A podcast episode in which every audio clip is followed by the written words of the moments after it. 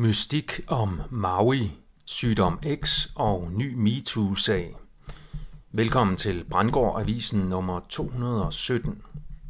Mere end 2.000 børn er forsvundet på Maui. Jødisk rapper støtter Trump. Sygdom X som forretningsmodel. Særlig form for jødedom kommer fra Ukraine.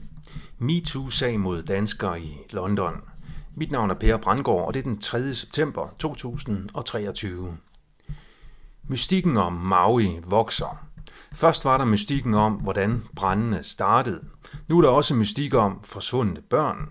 Steigan beretter, at kun 600 ud af mere end 3.000 skolebørn er vendt tilbage til skolen fra Lahaina-området, hvor brændene hervede.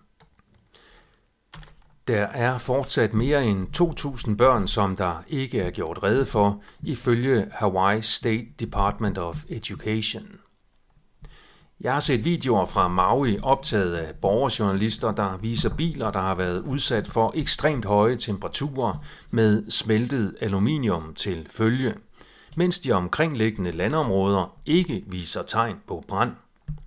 Så vidt jeg kan se, er disse videoer nu blevet fjernet fra YouTube. De videoer, jeg så, var optaget inden for områder, som var blevet afspærret af myndighederne, selvom der ikke længere var brand. Dokument beretter om den jødiske rapper Jesse Friedman, der har fået succes med rapsangen First Day Out, hvor han som Trump the Don rapper som om, at han er Donald Trump. Jesse Friedman identificerer sig som hvid jøde, og han er ifølge dokument ikke den eneste, der har udgivet rap til støtte for Trump. David Bell beskriver i Brownstone Institute, hvordan sygdom X er en god forretningsstrategi.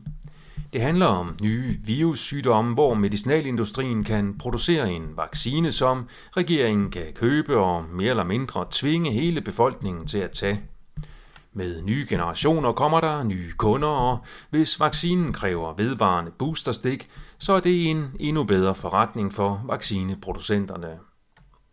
David Bell beskriver, hvordan de økonomiske investeringer i at bekæmpe for eksempel covid-19 er helt ude af proportioner med, hvor mange der dør af den sygdom, sammenlignet med andre sygdomme årligt. Artiklen beskriver CEPI som den største organisation for offentlig-privat partnerskab for vaccineudvikling til pandemier. CEPI blev en del af World Economic Forum i 2017. CEPI har udtalt, og jeg citerer, Truslen om sygdom X, der inficerer den menneskelige befolkning og som hurtigt spreder sig rundt i verden, er større end nogensinde før. Citat slut. David Bell beskriver også, hvordan sundhedsprofessionelle er ganske sårbare over for sygdom X-propagandaen, da deres indkomst og karriere er baseret på loyalitet over for pandemiindustrien. Derfor medvirker de sundhedsprofessionelle i bagvaskelse og udskamning af dem, der taler imod propagandaen. Drevet og beskyttet af deres sponsorers propaganda bliver de lydige sundhedsprofessionelle samtidig blinde over for de store årsager til dårligt helbred, og de opfører sig som om, at pandemirisiko er det eneste, der betyder noget for sundheden. Dokument beretter, at ukrainske flygtninge nu udgør 1% af befolkningen i Norge, og flygtningestrømmen fra Ukraine fortsætter med at stige. I modsætning til tidligere flygtningestrømme, så er der ikke mange muslimer blandt ukrainerne. Ifølge Wikipedias artikel om religion i Ukraine identificerer 85 procent af befolkningen i Ukraine sig som kristne. 10 procent identificerer sig som ateister. Det fremgår også, at jødedom har eksisteret i de ukrainske landområder i ca. 2000 år. I det 7. århundrede konverterede det overlappende naboland Kasarien til jødedom.